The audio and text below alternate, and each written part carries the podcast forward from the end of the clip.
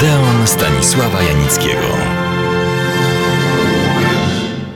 Przed tygodniem opowiedziałem Państwu o jednym ważnym polskim pionierze kinematografu, Wiktorze Biegańskim. Był on nie tylko wynalazcą kolejnej wersji aparatu do filmowania, ile praktykiem. Jak należy się przed tą maszyną do rejestracji i odtwarzaniu rzeczywistości zachowywać. Były to jedne z pierwszych uwag i zaleceń, jak się przed, powiedzmy wprost, kamerą zachowywać. Przypomnę, że Wiktor Biegański był, jak to się dziś mówi, aktorem wszechstronnym i w pełni świadomym nowych czasów, czyli koniecznością innej, ale nie radykalnej metody filmowej gry.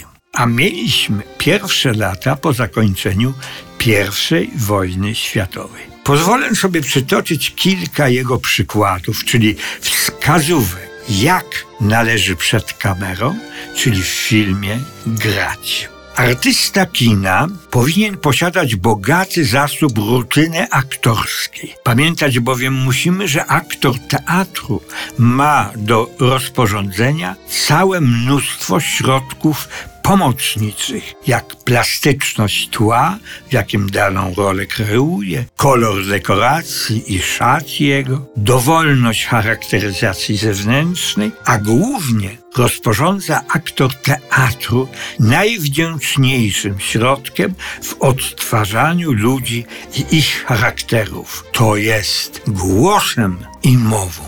Nic tak głęboko na nas nie oddziałuje jak dźwięk głosu i mowy ludzi. Aktor kina pozbawionym jest wielu tych specjalności. Jemu pozostaje do wykorzystania mimiczna gra twarzy i figury całej, zaś głównie oczu i ust. I podczas gdy aktor teatru poruszać się może dowolnie po szerokim obszarze sceny, aktor kina niezmiernie ograniczać się musi. Przestrzeń bowiem jego ruchu jest ogromnie szczupłą. W kinematografii aktor jest właściwie siłą pomocniczą. Jest on niezbędnym, rzecz jasna, i pozostać jednak musi na usługach reżysera i ślepo winien słuchać życzeń i wskazówek tegoż. Inaczej praca jego odbiegnie łatwo od ogólnego tła i zgubi się też niechybnie w tym labiryncie scen i scenek,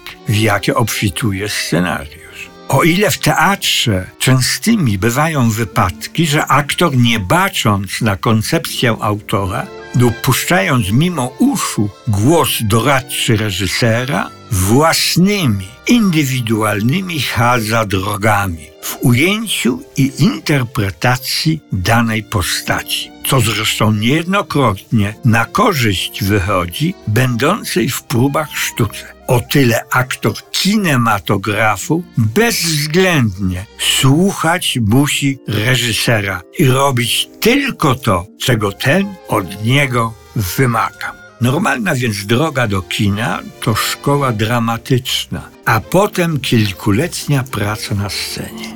Są jednak ludzie obdarzeni z natury wielką intuicją aktorską, co od razu mogą kształcić się dla gry kinowej o ile naturalnie posiadają talent mimiczny, wyrazistość oczu, nieprzeciętną piękność i urok oraz gibkość i zręczność figury.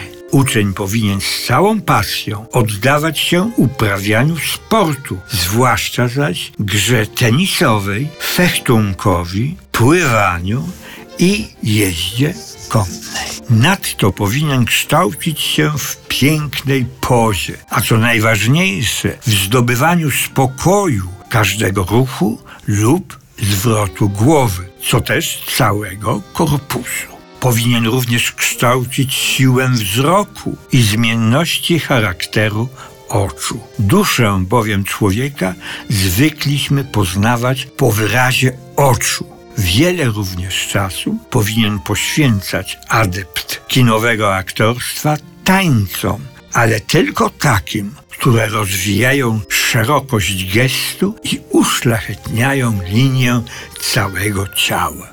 Całą zaś grę cechować musi wykwintny spokój i równowaga, co przy impulsywności i łatwości popadania w stan nerwowego podniecenia aktorów polskich niemałą sprawia trudność. I na tym kończę opowieść o życiu zawodowym naszych przedprzedwojennych aktorów. Państwa na ciąg dalszy serdecznie zapraszam.